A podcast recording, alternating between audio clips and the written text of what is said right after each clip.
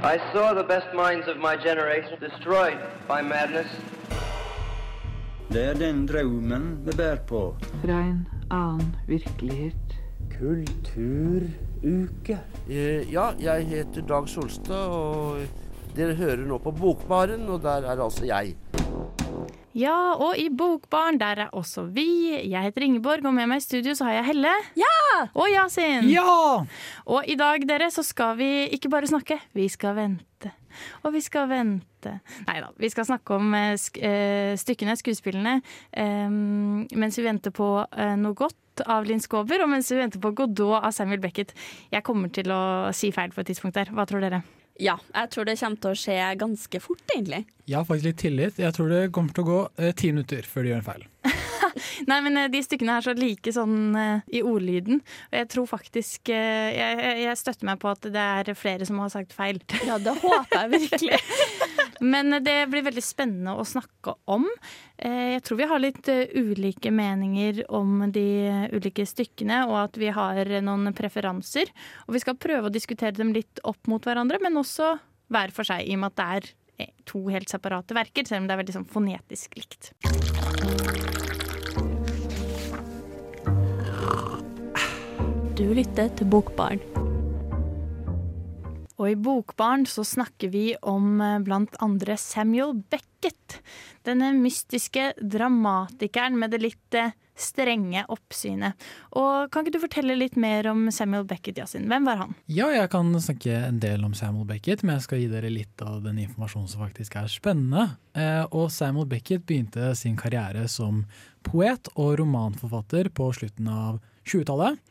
Eh, men det han er mest kjent for, er jo teaterverket sitt. Spesielt hans første fremførte scenespill, 'Waiting for Godot', eh, som ga han verdensanerkjennelse. Eh, opprinnelig så het stykket eh, Nå skal jeg prøve å snakke litt fransk. 'On attendant Godot'. Ah, oui, oui. Å, takk, takk. Jeg syns det var veldig bra. Parle-vous français? Si vous parlez français. Men uh, det ble faktisk ikke uh, spilt uh, og sett av det første publikummet før i 1953, eh, etter at det var ferdig. Og grunnen var at det var vanskeligheter med å finne en scene for stykket pga. etterkrigstidens økonomi og utfordringer eh, knyttet til utøvere, regissører og sceneteknikere. 'Waiting for Godot' var jo eh, ganske unikt i teaterstykket, si, eh, i teaterhistorien. Eh, men det som også var ganske unikt, var jo eh, Beckett som person.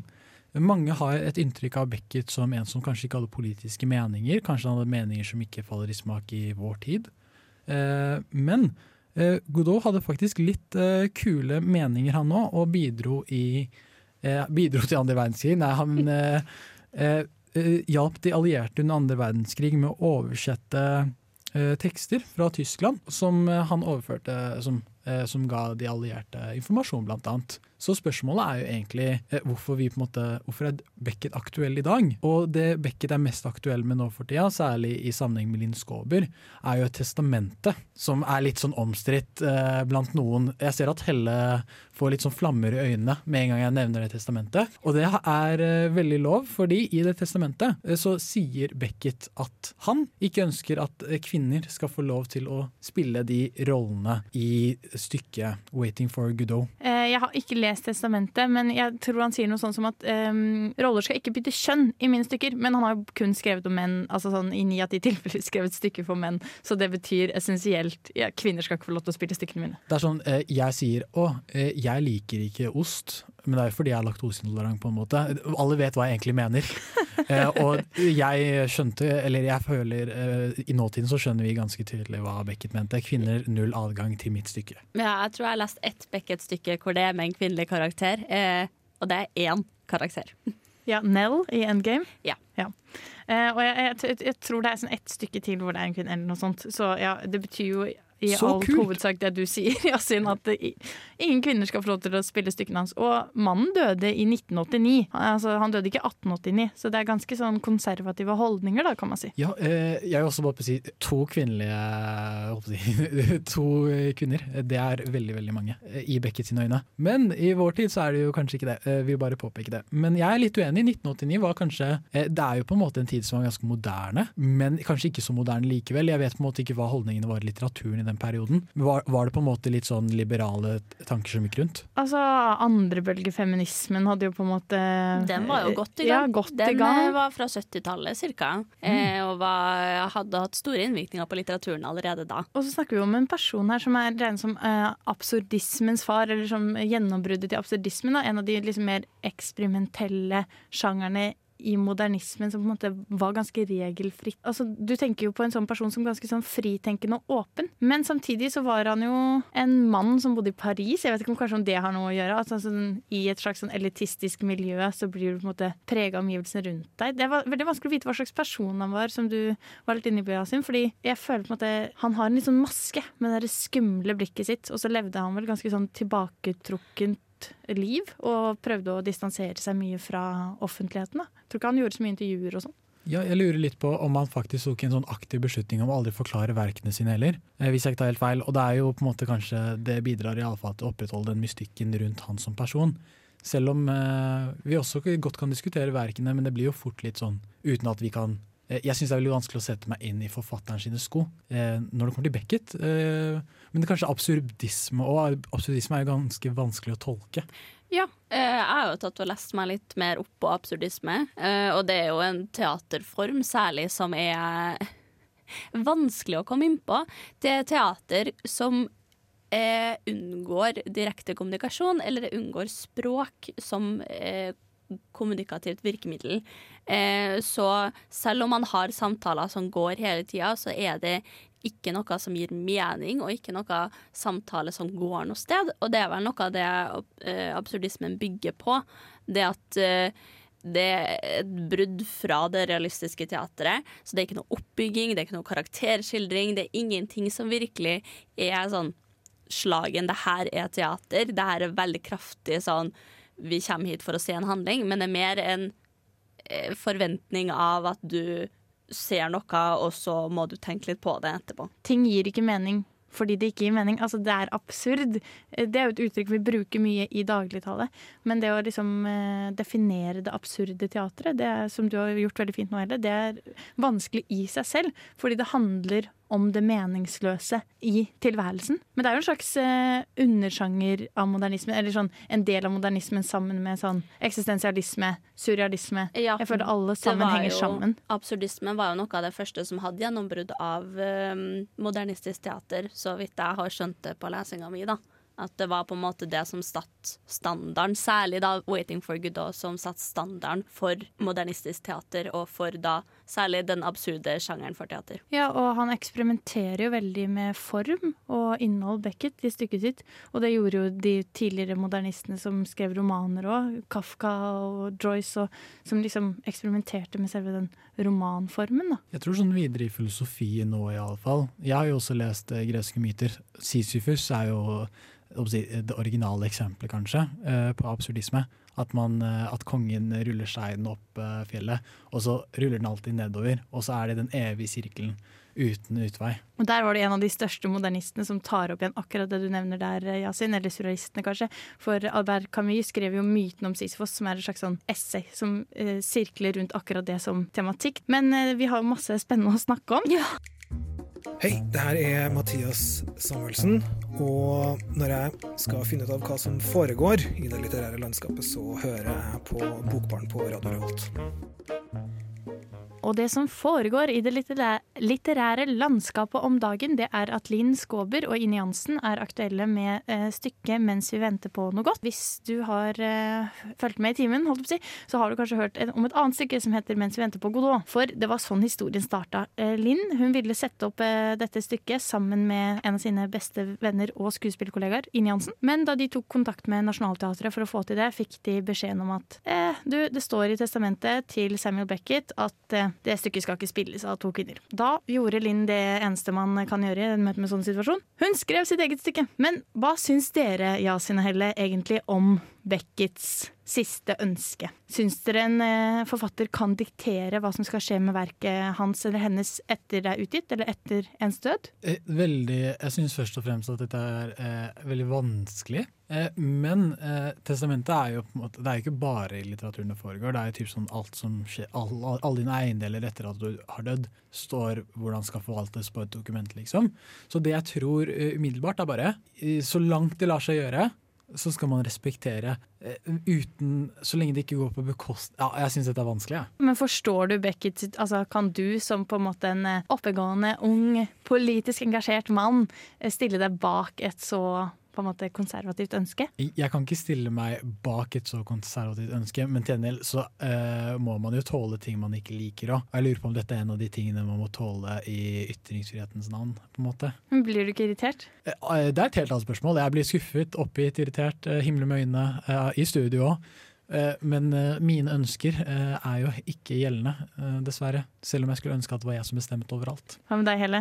Eh, Jeg er ganske stikk motsatt der. Jeg Jeg har sagt det før når det kommer til JK Rowling. Jeg sier det igjen. eh, Forfatterens død, det stiller jeg meg bak. Eh, Det vil si, når du har publisert et verk, så er det allemannseie. Eh, Og jeg syns at eh, altså litterære interpreteringer, altså måter man har å tolke verkene sine, eller andre sine verk på, det gir så mye annet til et verk. Eh, som noen som har vært på Trøndelag Teater mange ganger og sett verk som jeg ikke liker, eller verk som jeg liker fra før, men ikke liker satt opp på Trøndelag Teater. Uansett, det er jævlig gøy at man kan endre på ting, at man kan gjøre det til sitt eget, og det er så veldig, veldig skuffende at det bare satt streken for overfor Beckett, da. Ja, men eh, for å løfte en tanke.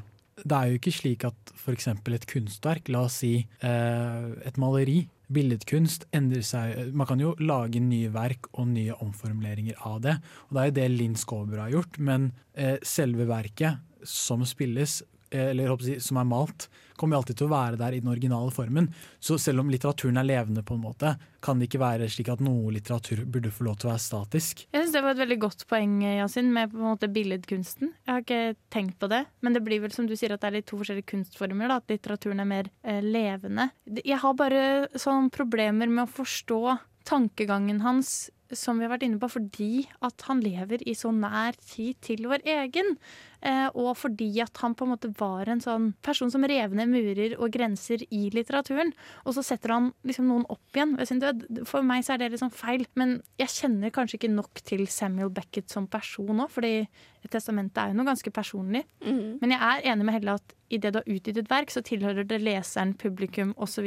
Men eh, det er et godt poeng det der med at eh, i kunsten så vil det originale kunstverket alltid bestå, mens du kan få eh, ja, enten etterligninger eller hyllester eller eh, verker inspirert av det originale kunstverket. Da. Jeg tror det har for min del i hvert fall noe veldig mye å si det at jeg er oppvokst i fanfiction-miljøet. Altså Jeg har jo lest fanfiction aktivt siden jeg var 13 år gammel. Eh, og selv der så har det vært lange diskusjoner rundt nettopp det her med omformulering av kreative verk. Fordi at selv fanfiction i seg selv har vokst frem fra en gren av eh, Altså som er prega av søksmål. Eh, og det er på en måte nettsider som er låst med passord fordi at man ikke på en måte kunne kunnet komme til eh, og må ha beskytta seg selv. da. Men altså, når det kommer til billedkunsten også, så finner du masse billedkunstverk som er på bruktbutikker, som du kan kjøpe selv, omformulere akkurat som du vil.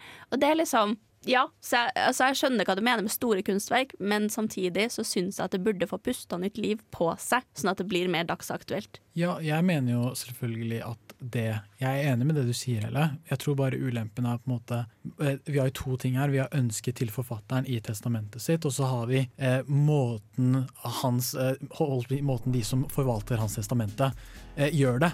Og det er to helt ulike ting. Jeg liker kanskje ikke det ønsket, men kanskje ikke Beckett engang ville, at, eh, ville hindre utviklingen av hans litteratur. Kanskje han, hvis han hadde vært eh, levende i 20 år til, hadde endret mening. Men eh, det er kanskje bare jeg som tillegger han gode meninger han kanskje ikke har. Ja, og debatten om testamentet og hans siste vilje tror jeg vi må bære med oss resten av sendinga, da det er relevant for eh, også stykket til Linn Skåber. Hei, jeg heter Linn Skåber, og dere hører på Radio Revolt. Ja, det gjør vi. Og i eh, Bokbaren så snakker vi faktisk om Linn Skåber akkurat nå. Eh, For eh, både jeg og Helle har vært og sett stykket mens vi venter på noe godt. Og vi alle her i studio har lest det. Og før vi hørte litt musikk, så var vi inne på det at vi var litt uenige om vi syns Samuel Becketts eh, testamente og siste vilje var helt innafor. Fikk ikke sagt det da, men jeg sier det nå. Det er vel egentlig ikke snakk om å endre noe annet enn at de to hovedrollene i Godot da, i dette tilfellet skulle blitt spilt av to kvinner. Og er det egentlig å endre kunstverket i seg selv? Um, jeg syns kanskje det er å ta litt hardt i. Og så føler jeg også at eh, stykket hans, da, som vi skal gå litt inn på nå straks, det handler jo egentlig kanskje mer om mennesker enn om at det er menn eller at det er kvinner som opplever de her eksistensielle krisene. Ja, eh, jeg tenker jo umiddelbart, eh, uten å faktisk ta hensyn til konteksten Jeg skal på en måte ikke prøve å tolke Jeg vil tolkningen min av teksten og hvorvidt det handler om kvinner eller menn er irrelevant, men når det kommer til forfattere og måten de tolker sine karakterer, så kan det jo ikke være slik at eh, la oss si, hvis det her hadde vært en tekst som hadde tatt sted i la oss si, på det afrikanske kontinentet, og det skulle på teater, og det var folk med afrikansk bakgrunn da, som skulle være hovedrollene mest antagelig. Og så tolker noen den i en litt sånn annen forstand. Er sånn, dette handler kanskje ikke om eh, den, det, det, handler, det er på en måte ikke en historie om kontinentet, men snarere en historie som er felles for hele menneskeheten. Og at det på en måte ikke at det kan tolkes på den måten òg, da. Og at, hvis, at man burde ha den tanken i hodet samtidig. At ikke nødvendigvis eh, konteksten er så relevant hvis forfatteren mener at det tar noe fra historien. Ja, men når det kommer til stykket 'Waiting for Godot', så er det jo faktisk veldig Det har ingenting å si. Man, det som absurd teater til å begynne med, så er karakterskildring noe man ikke kommer frem til. Eh, så mitt spørsmål er jo bare om eh, Beckett rett og slett kjent for få kvinner. Eh, og derfor ikke gjenkjent hva som er kvinnekamp, hva som er mannskamp, og hva som er menneskekamp. Ja, Ingeborg, du vet kanskje hvilken eh, argumentasjon Beckett brukte? Eh, Nei, det er egentlig Altså, det er mulig det er noe mer argumentasjon i det testamentet. Jeg har ikke lest det. Det er mulig å faktisk få kjøpt trykte utgaver av Becketts testamente. Men eh, som sagt, som dere har nevnt òg, han kommenterte veldig lite på verkene sine og var en litt sånn eh, inkognito person. Så så vidt jeg vet, så har han ikke kommet med noen uttalelse om hvorfor. Og så tror jeg på en måte kanskje ikke han forutså hvor stor kontrovers det kom til å bli eh, etter hans død med det her, da. Men en av grunnene til en, Eller en av årsakene eh, Ine Jansen og Linn Skåber kanskje mener kan være, da, er at eh, i stykket så har den ene karakteren prostata. Det er derfor han går og tisser bak dette treet hele tiden. Eh, og kvinner kan jo ikke ha prostata, så kanskje det er en av grunnene. Men eh, i, mens vi venter på noe godt, da, Linn Skåber sitt stykke, så har de valgt å gi Ine urinveisinfeksjon istedenfor. eh, og det er jo et veldig, veldig morsomt eh, stykke. Jeg tenkte vi kunne snakke litt om eh, Beckett sitt eh, Godot-skuespill først. For det handler jo da om to menn som venter og venter, noe som aldri kommer. De sier det er en mann ved navn Godot, men eh, spekulasjonen på hvem Godot er, den har vært i veldig, veldig, veldig mange år. Som Linn Skåver eh, sier i sitt manus. Folk på universitetene har brukt eh, et halvt eh, århundre på å finne ut av hvem han er, så det må jo være noe i det. og kanskje er det noe i det, men vi vet rett og slett ikke hvem Godot er. Og det er det det eneste de gjør. De prater og de venter for å få tiden til å gå. Og hva venter de på? Kanskje det er Godot. Åh, herlighet. Eh, ja, jeg må jo personlig si det. Fantastisk skrevet stykke. Utrolig nydelig eh, brukt eh, Altså, ordbruken er jo fantastisk fin. Veldig kjedelig. Aldri kjeda meg så masse som da jeg leste et Beckett-stykke. Eh, Jeg kan faktisk hevde at jeg kjedet meg enda mer enn deg. Fordi jeg prøvde faktisk å se på dette stykket på NRK sine nettsider i går kveld. eh, Og skrudde det på, og så sovnet jeg. Så eh, jeg syns det er veldig veldig kjedelig, men samtidig så er det en veldig god ting å legge seg til. Jeg tror det er bare sånn veldig sånn rolig sånn, eh, sånn eh, How to Sleep-podkast, og så tenker jeg på Beckett sitt stykke. Jeg tipper Beckett eh, snur seg i, i grava, men eh, jeg kan jo skjønne litt hva dere mener. Altså, jeg skal ikke stå her og late som om Så elitistisk skal jeg ikke være og late som at jeg, jeg elsker det stykket her og alt for jord. Eh, eh, men jeg syns det er noe interessant ved det. Og jeg har eh, lest ett Beckett-stykke tidligere, 'End the Game'. Det forsto jeg ingenting av, det ble jeg irritert. Eh, men det er en tre år siden, og jeg tror på en måte jeg har fått modna litt i min litterære reise. Eh, og jeg, jeg syns det er noe fint med den ventinga òg, fordi det fanger eh, en på en måte en sens av hva det vil si å leve, og hva det vil si å være menneske, og alle de her trivielle tingene vi bryr oss om. Og det er, jeg kjenner meg litt igjen, og det å vente på noe bedre som kommer. Eller sånn eh, Man gleder seg alltid fram til ting skal skje. Og så liksom, når det først har skjedd, så er det litt sånn Ja ja, OK, ferdig med det. Så den der ventinga føler jeg det er noe sånn essensielt og overførbart ved. da. Ja, det kan jo godt hende at uh, det er det. Jeg tolker det litt sånn uh, litt sånn en annen måte. At det kan hende eh, at man venter på noe som er dårlig uavhengig. Uh, men det er på en måte når er, ting er i svart-hvitt og du uh, syns noe er kjedelig, så bare tenker du ok, nå vil jeg at dette skal bli ferdig. og da så jeg fram til at stykket skulle bli ferdig, men samtidig i stykket så antok jeg at på en måte er, her er det litt dyster stemning. Her ønsker vi at ting skal her er vi redd, veldig redd for hva som skal komme etterpå, hvis det gir Mm. mening. Det er jo et stykke som er fullt av følelser, både negativt og positivt. De har jo sine glade øyeblikk der òg. Men det jeg sitter igjen med følelsen av, altså det er jo noe de snakker om eh, ganske sent i stykket også, er jo det at eh, de er redd for å gå. Eh, for de sitter her og venter på Godot, og hvis at de går, så er de redd for å bli straffa.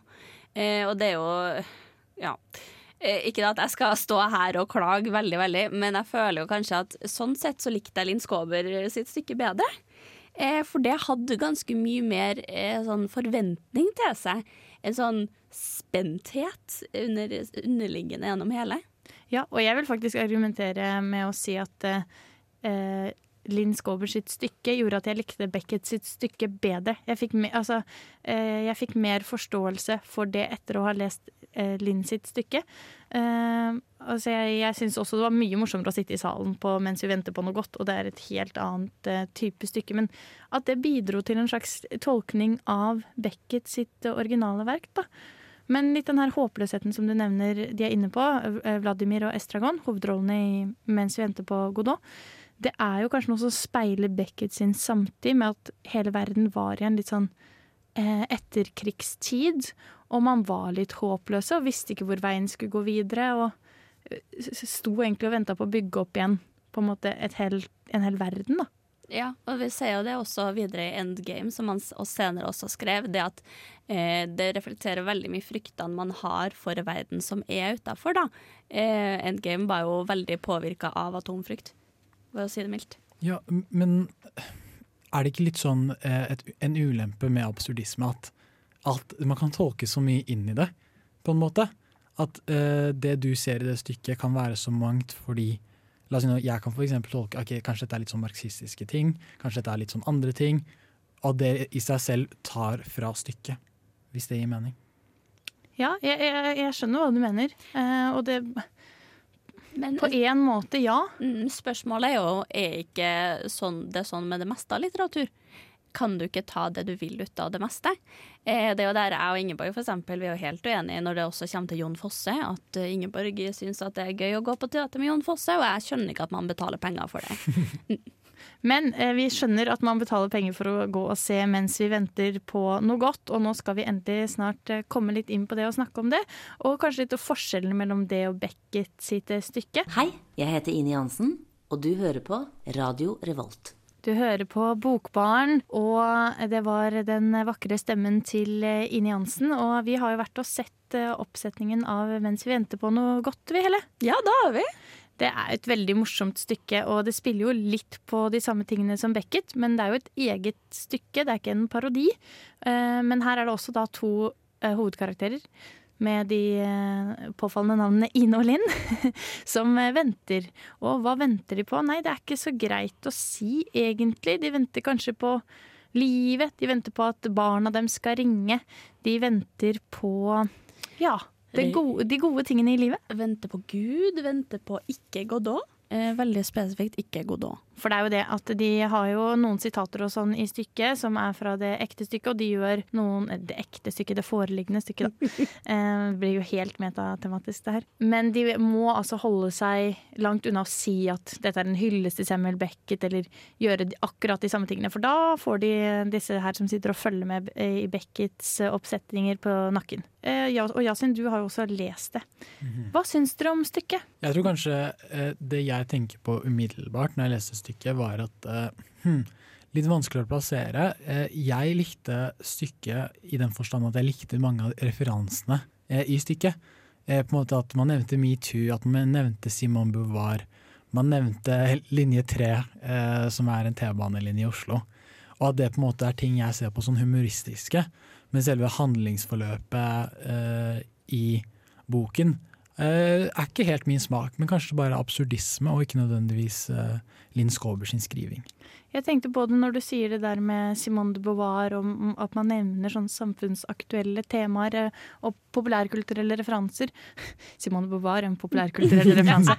Det var ikke helt det jeg mente, men jeg eh, leste liksom den delen, og når jeg så stykket oppsatt òg, for hun går inn på flere liksom, viktige kvinnesakskamper, da, Rosen, eh, Rosa Luxemburg, eh, Simone de Beauvoir etc., etc.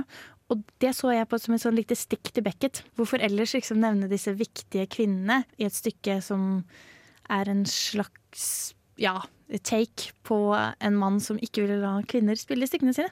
Så jeg så det som en liten sånn eh, 360 FU Beckett. ja, en liten flipp. Og så var det samtidig, det stykket, det var jo eh, helt fantastisk når det kom til både energi og til innhold. At det på en måte var Det ga så mye mer, særlig når det var mye mer samfunnsaktuelt. Så det var en artig teateropplevelse, for å si det mildt. Følte dere at dere fikk mer ut av å se på stykket, i og med at dere så på stykket før dere leste det, antar jeg? Eh, jeg leste det først, så så jeg det, og så så jeg en til. Eh, jeg leste etter jeg så det, faktisk. Eh, jeg likte det bedre når jeg så det, enn når jeg leste. Eh, men det er klassisk meg. Jeg har jo teatererfaring så det tyter ut av ørene på meg. Så det er jo litt sånn Jeg sånn Jeg blir jo veldig inspirert da, når det kommer til det å gå på teater, det å se folk holde på, særlig når det er få folk på scenen. Se det tekniske de holder på med. Eh, veldig spennende opplegg de hadde. Jeg var noe regi jeg stussa litt på, men stort sett veldig god forestilling. Jeg leste som sagt først, og jeg syns det var mer på en måte absurdistisk og vanskelig å forstå, da, sånn som et absurdistisk stykke skal være, som eh, i litterær form. Mens på scenen så er det en dynamikk mellom de som eh, gir det en ekstra dimensjon av på en måte forståelighet også. Eh, så det var mer absurdistisk som eh, bok, og mer humoristisk, kanskje en sånn eksistensiell komedie mm. eh, på scenen. Og det var sykt morsomt. Ja. Jeg lo høyt mange ganger. Ja, herlighet. Det var så artig å være på teater med Ingeborg. Hun lente seg frem hver gang hun gleda seg til liksom biter her og der. Hun ja, for jeg visste jo hva som kom. ja. og det var liksom Jeg bare satt der og venta. Liksom, nå lener Ingeborg seg frem, nå blir det morsomt. Og det var det. Det var utrolig mye energi på de to damene, så jeg er mektig imponert. Det var nesten litt sånn en unge i godteributikken-stemning, kanskje, Ingeborg. Men eh, jeg syns kanskje det var litt vanskelig å få den energien når jeg leste boken, i og med at jeg ikke har sett stykket. Delvis fordi jeg sov eh, ganske mye når det stykket var på TV. Eh, ikke TV, men på scenen. Men det jeg syns var Du var jo ikke i teatret og sov, da. Ja, Bare for å understreke det. Han var hjemme og sov. Jeg var hjemme og sov fordi jeg tenkte søvn. Men i, styk, eller, i, boken så står det jo f.eks. Uh, nå tok hun av seg BH-en, eller brukte den BH-en til å liksom uh, henge seg selv, på en måte. Uh, og det syns ikke jeg var så veldig morsomt å lese. Nei, ikke sant? for jeg ser for meg sånn som den scenen kan være ganske vanskelig å, å oversette i litterær form eh, enn det var på scenen. For der var det jo morsomt, men det handler litt om tonen ting blir sagt i. Og det er det som er utfordringen med drama, og det har vi snakka om før heller. Men at når man leser drama, så er det bare eh, ett aspekt ved det. For drama er ment å settes opp, og hver skuespiller vil tolke sitt inn i den rollen. Men her var det jo på en måte skribenten eh, og skuespiller i samme rolle, da, og selvfølgelig eh, Ine òg, at de to kjenner hverandre godt og vet måte, intensjonen til stykket. Og at det kom så mye tydeligere fram på scenen, den der humoristiske intensjonen. Men mm. den er mm. ganske vanskelig å oversette i litterær form. Da. Mm. Ja, og i tillegg så tenkte jeg særlig at noen av de holdt på å si, litt sånn eh, humoren falt bort når det kom til litt sånn betente saker som eh, da Ine eh, sa jeg syns mange av de jentene som sto i front i metoo-kampanjen, er jævlig patetiske og vet de selv har ligget med sjefene sine for å få bedre roller. Eh, jeg skjønner jo det er humor, men når jeg bare leste det og prøvde å på en måte Ha-ha, dette er morsomt, så klarte jeg på en måte ikke det. Så kanskje eh, Kan boken stå for seg selv, er egentlig spørsmålet. Humoristisk. Ja, det syns jeg er et veldig godt eh, poeng, Yasin. Fordi på scenen så skjønner man jo at det er morsomt, og eh, det jo, sier jo sitt at eh, man skjønner at det er humor selv når man leser boka, men om det kan stå for seg selv, eh, eller at boken kan stå for seg selv som på en måte komedie, er kanskje, kanskje ikke så enkelt som at eh, stykket gjør det. Men eh, det er i hvert fall flott at leserne skjønner at disse her litt kontroversielle påstandene er humoristiske, da. Hei, det er Junidar. Les Ibsen og lytt på Bokbaren. Ja, og les også Beckett og Linn Skåber eh, mens vi venter på noe godt. Vi fikk jo snakka litt om det i stad, men vi skal eh, høre hva Ine Jansen og Linn Skåber hadde å si om stykket når jeg og vår kollega Marie fra Nesten Helg var og intervjua dem. Og så får vi heller eh, snakke litt mer etter intervjuet om hva vi syns. Dere er jo gode til å få folk til å le, begge to. Men jeg lurer på hva som, det er, som får dere til å le. Er det Beckett? Nei. Ja, Nei, ikke meg. Ine, i Ikke i det hele tatt. Altså, jeg vet hva som får Ine til å le, og Ja. det er jeg ikke så stolt av, for at det er som regel meg. Ja, ler mye Line, altså. Fordi hun synes jeg er så, og ikke fordi hun synes jeg er så morsom, men fordi hun synes jeg er så dust. Kløner så fælt. Kløner. Kløner så fælt. Jeg ler masse av Linn. Hvordan er det for dere som er så gode venner, har kjent hverandre siden dere var 18 år, Mm. å jobbe sammen så tett?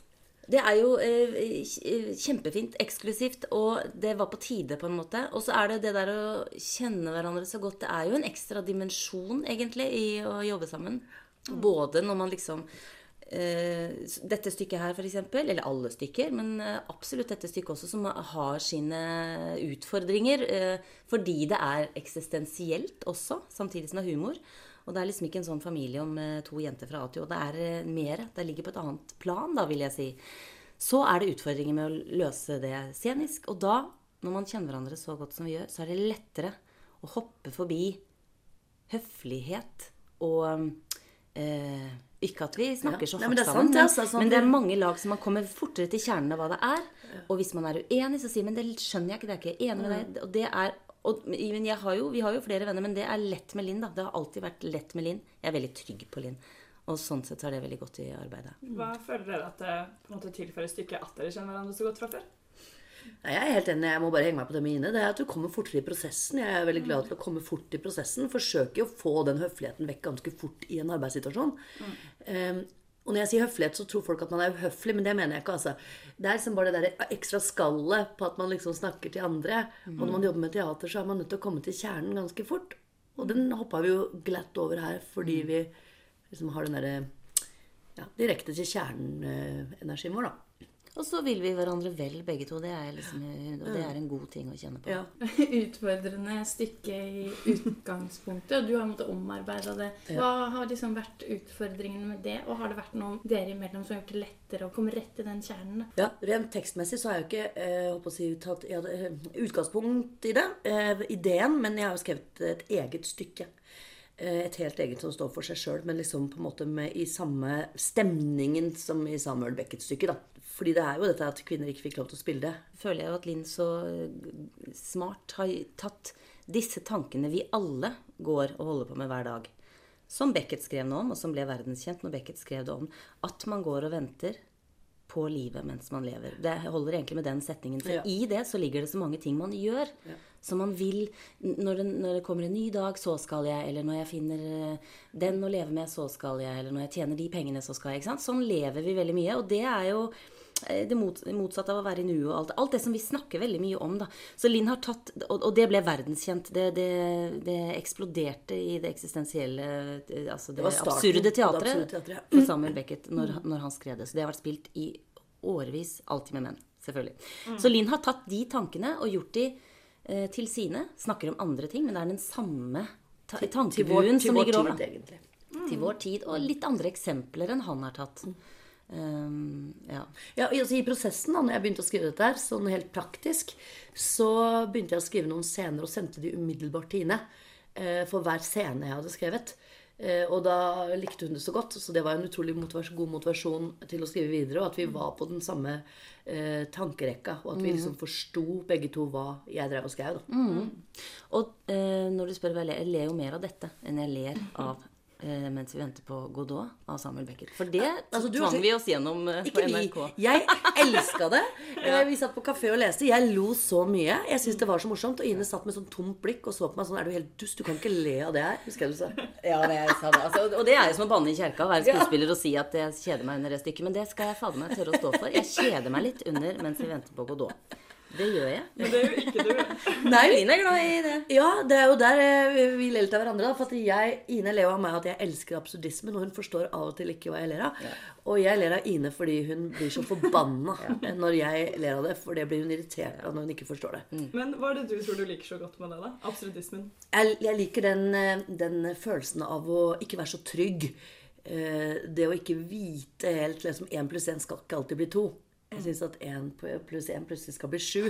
Det er noe gøy med det som jeg syns eh, Nå bare kom jeg på siden jeg sa det. Ja. I stykket så skal jeg si sånn Men tenk på alt vi venter på, da. Mens vi venter på bussen, f.eks. Og så har jeg skrevet mell mellom fem på halv og ti på halv. Uh, og, motsatt, og da sier jo Ine bare Men hvorfor skal du si fem, mellom fem på halv og ti på halv fem på halv? For det er artigere. Det er mer spennende, liksom. Og da er vi i gang med det akkurat Da er vi i gang med det den lille detaljen som Ja, er vel, det er artig. Mm. Ja, så dere tar liksom inn eh, Linn og Ines følelser om mens vi venter på Godot, inn Det- i mens vi venter på noe godt. Det Spiller gjør vi. Det hele veien. Det gjør vi også. Absolutt. Det er også et lag inni det. Du bør ikke ha sett mens vi venter på Godot for å forstå dette stykket, for vi gir hele forklaringen eh, i stykket Mm. på hvor vi ikke, at vi ikke har lov til å være her, egentlig. Så du driver egentlig bare og terger Ine? Ja, litt, faktisk. Det er også sant. Og så er det jo litt Det kan virke litt privat, det stykket. Mm. Eh, og så er det ikke så privat i det hele tatt som folk tror, da. Så vi tillater oss å bable om alt mulig rart, og så kan folk sitte igjen og tenke 'Å, gud, er det sant? Er det sant?' Ja, for vi kan si at det er noe sant, så kan du lure på hva som er sant. Ja, og det er nok noe helt annet enn folk tror er sant. Ja. Vil jeg tro. Ja, hvorfor virker det privat? Fordi vi for det første kaller hverandre Vi sier vel Linn og Ine, og så um, Ja. Det er liksom om livet til eh, Som er nå, liksom. Man gjenkjenner livet som er nå. Og da er det jo lett å tenke at det er vårt liv. Ja. Og noen steder er det virkelig det. Og jeg må jo si at inni meg så det, vil jo den der liksom følelsen av vårt liv ligge fordi jeg skriver det. Mm. Som jeg tror det vil gjøre i alt jeg gjør, egentlig. Er det forståelig for dere at Beckett sa nei, dette stykket mitt skal bare spilles av menn, eller er det helt uforståelig? Eh, Karakteren i stykkene han skulle ikke skifte kjønn. Så ikke sant? Men han har skrevet mest for menn, så det er denne problemstillingen her du kommer eh, mest tilbake til. Jeg forsto selvfølgelig ingenting av det, og- jeg gjør vel ikke det ennå. Men jeg snakket med en forfatter som skjønte han godt. Ja. Hun intervjua meg og måtte innrømme at hun hadde hatt trøbbel med hvis de, hennes bok, som er for skrevet fra et kvinnes perspektiv, skulle en, at man skulle sette opp med en mann, mann i hovedrollen. Um, men alt jeg har skrevet og alt jeg har gjort, så har jeg alltid likt at ting forandrer seg i hendene til andre. Ja. Så der er nok jeg eh, litt annerledes kanskje enn forfattere. Det er kanskje mer en dramatiker, sånn sett. Ja, og du sitter jo på begge de der hestene, da, at du Ja. både skriver og spiller. Men jeg har nok tenkt det sånn at, når man, at det er to forskjellige ting. At scenekunsten må få lov til å være selvstendig i forhold til mm. forfatterkunsten eller eh, når man skriver. Så når man har skrevet noe, så fins jo det verket. Men hvis man skal gi det videre til et teater, så må man gi det fra seg. Ja. Og så må skuespillere og regissører og lysdesignere og scenografer sammen lage, ta det verket og gjøre veldig mye som de vil med det. Ibsen selv. Henrik Ibsen sa det. Min, mine stykker skal alltid spilles i forhold til sin samtid. Ikke sant? Og da er det språk man må forandre. Vi skjønner ikke alt det der Det fenger ikke så innmari godt det, måten han skrev sine ting på. Vi må oversette det. Vi kan ta vekk ting. Vi kan smådikte videre. Og lage nye forestillinger sånn at vi kan henge med de nye. For vi går jo videre hele tiden. Livet går jo videre. Så jeg skjønner ikke han. Jeg syns det er konservativ tenkning, selv om han var veldig nytenkende. Beckett, så det er pussighet over det. Men jeg syns definitivt man skal ta en tekst og gjøre det man vil med det. Både skuespillere når man får det. I hvert fall som dramatikk, som Ine sier her, for det er så mange faktorer som gjør at et stykke blir til. Har dere vært irritert på at han liksom skal ha Selv fra graven så skal han diktere dere? Ja, jeg blir mer irritert av og til på etterkommere ikke sant, som sitter på dette, og som eh, Det er ikke alltid de er kunstnere og har de samme tankene som de som eh, Spiller det? For, ja, nei, nei, jeg tenker på de som skrev det. Eh, de ble jeg mer irritert på, fordi at eh, man må liksom skjønne hvem det mennesket var. Han var begynnelsen av absurdismen, så jeg tror han hadde syntes vært rart at det skulle være så konservativt. Kanskje han ble sur og gammel egentlig. Ja, det er det også. Det er et ganske rart paradoks å Mm. være så nytenkende og så konservativ samtidig. samtidig. Men også kan man, kan man si at det er litt eh, selvopptatt. Eh, Kan jeg tre- strekke meg så langt og si at mitt verk skal alltid få lov til, og ingen er bedre enn Ofte så kommer det jo når det kommer nye folk til, eller andre huer til, så kan man jo gjøre det til noe annet enn det er. på en måte. Eller kjenner du som er forfatter? Nei, jeg kjenner det veldig. Altså, jeg, jeg har i hvert fall opplevd, siden jeg var 20-åra og skrev for andre, så opplevde jeg at eh, jeg aldri har vært skuffa. Jeg har blitt veldig overraska, liksom. Mm. Sånn, Jøss, gjorde dere det? Eller valgte dere å ta vekk den og legge til den? liksom, og sånne ting. Prinsippet mitt er at jeg ikke får lov til å legge til. Altså, det må jeg si at det, Ja, det skjønner jeg. For Da plutselig er det ikke det. stykke om mine tanker. Så jeg har sånn prinsippet at bare ta vekk og kaste opp som en gæren baby i lufta, pleier jeg å si, og fang den igjen og, og la den ha vokst. Eh, så jeg er veldig takknemlig når folk gidder å gjøre det, og bruke sine tanker på mine ting. da. Mm. Så jeg er nok helt motsatt av Beckett der, ja. Og så er det også det med når du publiserer, når du gir det fra deg, så er det jo på en måte ikke ditt lenger. Jeg er helt enig. Det blir skuespillerne sitt og leserne Ja. sitt, og de som vil gjøre noe Mm. videre med det. Riktig. Helt riktig. I Beckett sitt skuespill så venter de jo på denne Godot som aldri Ja. kommer. Hva eller hvem er det dere venter på? Uten å røpe alt sammen, da, selvfølgelig. Det, det morsomme det er jo forska så mye på dette hvem, eh, hvem Godot er. da. Det er mange teorier på det. Det eneste han har sagt, er vel at det ikke er Gud, faktisk. tror jeg han har sagt. Ja. Men hva er det? Det var noen som mente at eh, han var så interessert i sykkel eh, i Tour de France. Og han ene syklisten der het Godot eller noe sånt. Godau eller et eller annet. Så sto det en gjeng, ja. Så sto det en gjeng og venta. Så noen mente at det var så Eller for når de da kommer, så er de borte på ett sekund. For meg er Godot livet. Og det kan være Gud. Uh, og jeg mener Jeg husker altså jeg har har en pappa som har spilt i dette stykket for uh, lenge siden. Og han sa uh, det er Gud. Så var det derfor jeg stussa nå. at Nei da, jeg, jeg kan godt hende jeg tar feil det. Men jeg bare husker at det var et eller annet forvirring rundt det med Gud og hvem er det og sånne ting. Og jeg tror det er så lett for oss å tenke God. Ja, ja, ja, sånn, ja. Men Eh, Gud, da blir det så religiøst igjen. ikke Det sant? Men, men, eh, så, så at, eh, men jeg kjenner jo det igjen. Det er jo veldig tydelig for meg, som vi sa i starten her nå, at folk venter på noe. Man vil hele tiden videre. Og vente på noe nest, rundt neste sving. Og imens vi venter på noe godt, så har du jo denne budbringeren som kommer hele tiden og sier at han kommer ikke i dag heller. Han kommer i morgen. Han Han kommer i morgen. Han kommer i morgen. Og den livskraften til disse menneskene. Om han kommer i morgen, ja! ja, Og tro tror på det hver gang. Den syns jeg er veldig Ja, både morsom og en Ja fin ting. Ny, ny livskraft får være nye, gode beskjed. Mm. Opp igjen. Opp igjen, ja. Og så ned igjen, da. Det er det som er litt dumt, da. Eh, Sånn er jo livet, da, vet du. Det er sånn livet er, ja. Men eh, vi er jo en studentradio, så Mm. lytterbasen vår er jo i hovedsak studenter. Mm. Hva tror dere de kan hente ut av å se deres stykke? anbefale og som, som et råd til studentene, som sikkert kommer fram i stykket òg, men det er jo det å forsøke å leve her og nå, uansett da, om du er på den veien hvor alt er stressende og jævlig, men tenk at det er en del av livet, og egentlig er man litt heldig som har den propellen. Mm. Selv om den består av nervøsitet og liksom Uvisshet. eh, Uvisshet, ja, og liksom nye mål og alt dette her. Så prøv å være litt i det og vite at det er en kraft. Hvordan er det dere møblerer ensomhet? Oi, hvordan er det dere møblerer ensomheten? Det var veldig fint sagt, for det første. Det handla om det. jeg, jeg, jeg tror liksom Jeg har vært så heldig å ha hatt en eh, far uh, som lærte meg verdien av å ikke ha dårlig samvittighet for å være alene, eller for, å, for at tiden ikke skulle gå fort, og at man måtte gjøre noe hele tiden og sånn. Mm. Eh, det er innmari styrke i meg, opplever jeg. At jeg, jeg får veldig ro på de stedene jeg er, og da blir ensomheten også noe du egentlig litt liker. Ja. Fordi du orker å stå i det. Og, eh, jeg syns alltid det er litt koketterende for meg å snakke om ensomhet, fordi jeg har muligheten til å møte noen. Jeg kjenner også veldig Mm. mange som kontakter meg. For jeg har skrevet såpass mye om ensomhet i andakten og sånn, at mange mennesker som kontakter meg som er helt ensomme, og som nettopp sier dette at det kanskje eh, de tingene jeg har sagt, som kanskje er feil. ikke sant? Jeg sier sånn oppsøkssteder, og så sier de ja, men det er der jeg er mest ensom, f.eks. Mm. Jeg sa noe som Art by Accident ble litt fint en gang. Jeg sa vi må egentlig slutte å si at jeg er ensom.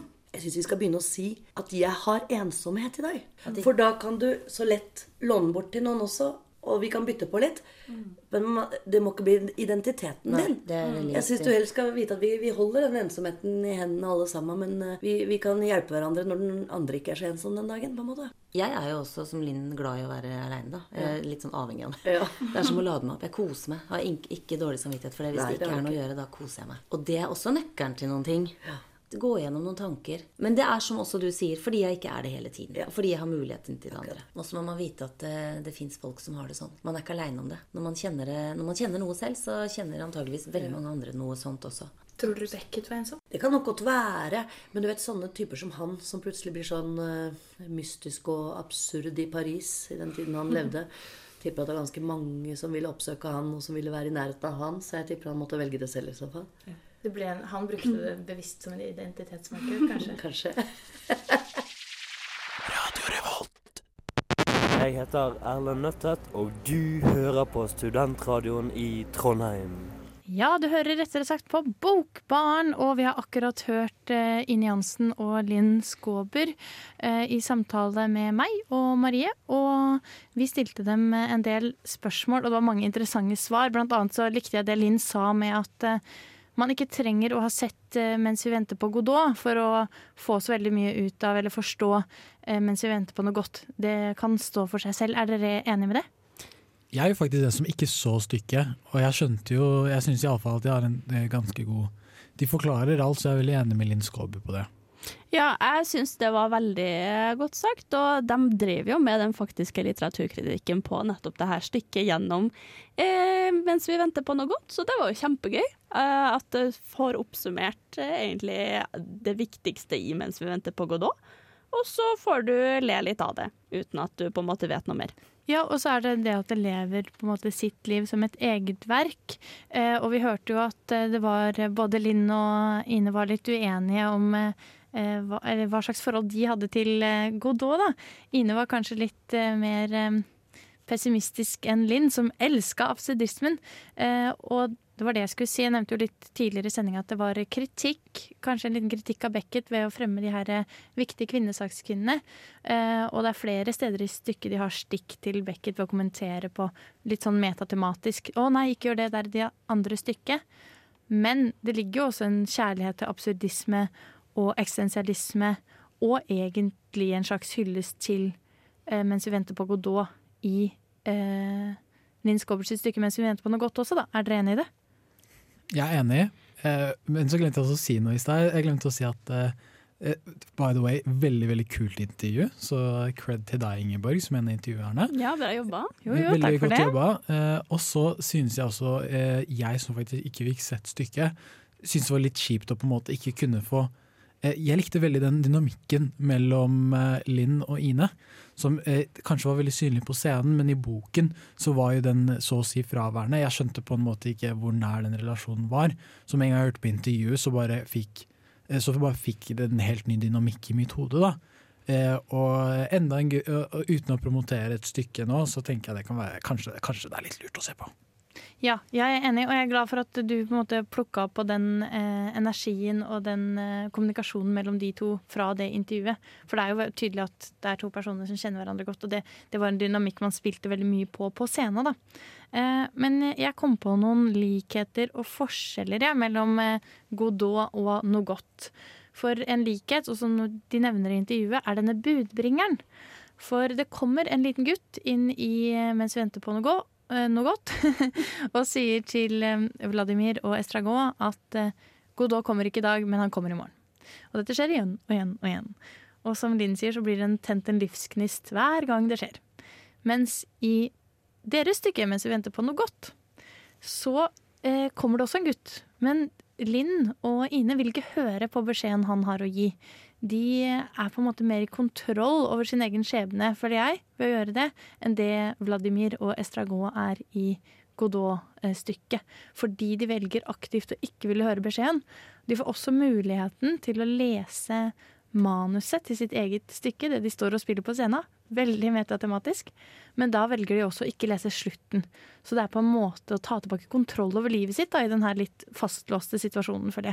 Hva tenker du, Elle? Jo, jeg er veldig enig i det. Og så er det veldig gøy at uh, når det kommer til han budbringeren, så er de faktisk i, Mens vi venter på noe godt, så er de jo faktisk direkte motsatt, nesten. Det at de har sin egen beskjed til han budbringeren. Eh, blant annet det at de vil vise seg fram. De skal anerkjennes som eh, individer som har noe artig å by på. Ikke bare sånn at vi har en beskjed tilbake til Godot, men eh, så du hva vi gjorde? Hva syns du? Det at de faktisk prøver å stikke til en personlighet da han er budbringeren, det er kjempespennende.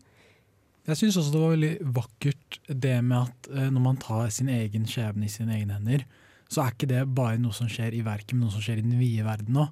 Det er jo så mange folk i så mange ulike situasjoner som aktivt unngår å få vite informasjon kanskje om en sykdom eller andre ting. Eh, kanskje de har en, et anslag på hvor lenge de skal få ha igjen å leve, blant annet. Og så framfor å høre på det og la seg begrense, så lever man livet i nuet. Og det er kanskje det med at eh, Jeg syns iallfall at verket er veldig flinke på å fange opp eh, de litt mer sånn, eh, litt sånn skinkige delene av den menneskelige erfaringen som vi kanskje ikke hører så ofte om. da.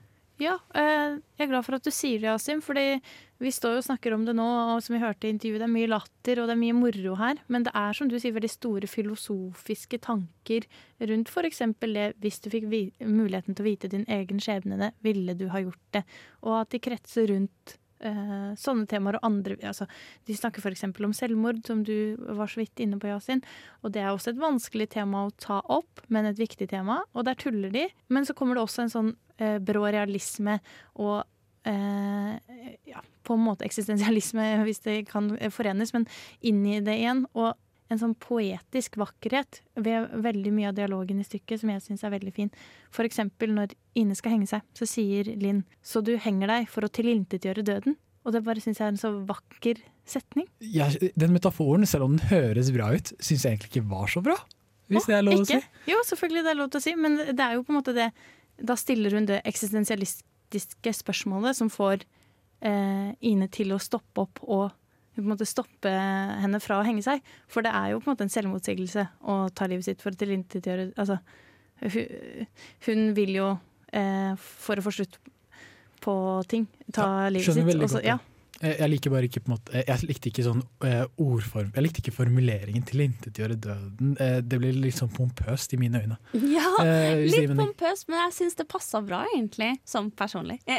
Ja, jeg syns på en måte det ikke blir pompøst fordi det settes i sammenheng med at liksom, neste replikk Nå husker jeg ikke helt fra minnet, men at neste replikk er typ noe sånn kritikk av flokken som spiser taco på fredagskvelder, eller eh, at bunad er stygt. Altså, så det var den her kombinasjonen med høyt og lavt hele tiden da, som gjorde at eh, det traff veldig sånn midt på at det ikke ble elitistisk eller ikke ble eh, lavkultur, hvis det er lov til å bruke det ordet. Ja, og ikke bare det, men de peker faktisk ut selv enkelte ganger når at de faktisk innser at de bruker veldig poetisk språk. Det er sånn Oi, var det meg som sa det?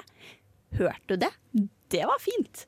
Så det er jo litt sånn, de spiller jo på det selv også.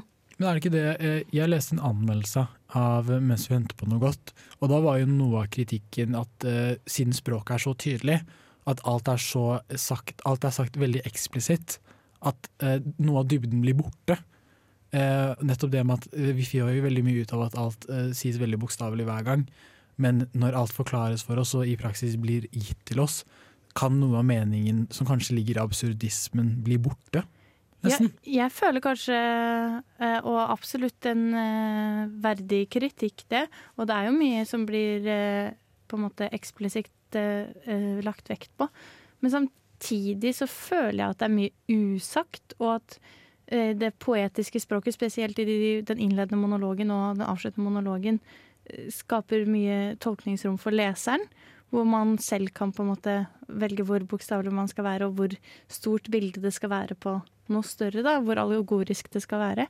Men um, ja, det er, det er jo på en måte en, absolutt en, en verdig kritikk, det. Helle? Mm, Det jeg syns eh, språket på en måte egner seg godt til, er at det på mange måter De har lange monologer som sirkler seg rundt livet. Og det er på en måte Det blir så fullt av å snakke rundt om ting. Akkurat som i billedkunsten, at man lager kunst ut av negativt uh, space, altså negative hull. Uh, så man snakker på en måte rundt ting som ikke er der. Hvordan skal man sette ord på ting man ikke forstår? Ja, enig. Og så syns jeg det er det absurde grepet eh, som funker for å gjøre det mindre eksplisitt. For ja, kanskje noe forklares, men så er svaret er jo på noe helt annet. Fordi der kommer det absurde inn at de snakker sammen, men med på en måte brudd på linja av og til, føler jeg. Fordi Linn sier noen ting, og så kommenterer Ine på noe helt annet. Og så et par setninger etter det, så kommer de tilbake igjen på samme tema. Så det er disse absurdiske bruddene som gjør at det ikke blir for på en måte eksplisitt og tredd nedover hodet på deg da, med informasjon. Jeg syns det var en veldig, jeg veldig vakker måte å si eh, Å forklare alle de avbruddene i boken på. Jeg fikk egentlig ikke så veldig mye ut av Jeg skjønte jo at det var et absurdistisk trekk, men for min del så ble på en måte noen av avbruddene ble litt eh, Hva er det norske ordet for forced? Tvungen. eh, tvungen på en måte. At det kanskje kunne vært litt mer flyt mellom de overgangene. Ja, og det jeg opplevde jeg kanskje litt når jeg leste også, men hadde ikke samme eh, problematikken på scenen. Ja, veldig enig der, altså. Det var veldig forskjellig å oppleve, men det er det alltid. Det er en av de viktigste tingene når det kommer til forskjell på drama og teater. Det at det er så veldig stor forskjell på å lese og på å se. Hei, dette er Jostein Gaarder. Du hører på Bokbaren i Radio Revolt. Du hører på Bokbarn, og apropos store filosofiske temaer og verker. Vi snakker ikke om Sofies verden, men vi snakker om eh, Mens vi venter på noe godt og Beckets eh, Venter på Godot. Og jeg kom på en annen ting jeg, som skiller eh, eh, Linn Skåber sitt stykke fra Beckets, og det er at jeg føler, og nå må dere si fra om dere er enige med meg eller ikke, men at Ine og Linn er mer bevisst på at de venter på noe eller noen. De refererer på en måte til at vi venter og vi venter. Det gjør de jo i Godot, men de henvender seg jo direkte til himmelen på scenen og roper opp dit og får eh, beskjeder fra himmelen. Så jeg føler de er mer bevisste på at eh, gutten skal komme tilbake, og at det er noe de venter på. Hva tenker dere? Ja, altså Du har et poeng der. De er jo bevisst på at de venter eh, mens vi venter på Nei, Waiting for Godot også, men det er jo mye mer sånn løs venting. De vet jo ikke hva de venter på i det hele tatt. Og det gjør de jo ikke mens vi venter på noe godt heller. Men den er mye mer sånn fordi de også har det andre stykket å referere til, så er de mye mer bevisst på denne ventinga som foregår. Og det er på en måte, ja, jeg føler de snakker veldig i sirkler rundt denne ventinga. Kan det kanskje ha eh, noe å gjøre med at de klarer å eksemplifisere Den ventingen har på en måte et Det har en funksjon. Og eh, la oss si ensomheten kanskje er enda mer kom, eh, Ensomhet som problematikk, ensomhet som tema, kommer sterkere til uttrykk i eh, mens vi venter på noe godt. Jeg tror jeg du har veldig rett i, Asin. At uh, ensom, nei, ventinga har en funksjon, og at den skal ja, f.eks. sette problemer under debatt, eller uh, vise uh, fordeler og ulemper og alle fasettene ved ensomhet. Og en annen ting som eh, jeg kom på som gjør at eh, det framstår litt eh, mindre tydelig at de venter mens vi venter på noe godt Nei, mens vi venter på Godot, er Der kom det. At Vladimir og Estragon har litt problemer med å, å huske om de var der dagen før. Var vi her i går? Snakka vi om det i går? Det er et sånn hukommelsesklipp som på en måte ikke er til stede i mens vi venter på noe godt. For der på en måte er det en mer lineær fortelling, mens i, mens vi venter på Godot, så starter de på en måte på nytt for eh, hver gang. Ja, det har du veldig rett i. Mens, i, mens vi venter på noe godt, så er det mye mer sånn De snakker bl.a. om at den, de må bruke denne ventetida til noe produktivt. F.eks. det å starte opp dårlige vaner, for så å lære seg å slutte med dem. Begynne å røyke, for så å slutte å røyke. Ja, for eksempel. Eller det å begynne med agility med en eh, fiktiv valp, liksom. Hva er det som foregår her? Det er veldig gøy, men ja. Selvfølgelig. Jeg tenker Selv om jeg kanskje ikke er den største fan av Mens vi venter på noe godt, så er det jo en veldig god måte eh, å lære det du ikke skal gjøre i livet, på en måte. At det er litt sånn how not to eh, do this Eller what not to do in life, nesten. Hvis det gir mening. Ja, eh, det gir veldig mening. Og også de små tingene med på en måte hva skal du verdsette? Hva handler livet egentlig om? Stoppe opp ved de små øyeblikkene. De reflekterer jo også her over at tiden går veldig fort. Eh, på en måte livssyklusen til et menneske, men også den livssyklusen som starter når du blir en forelder.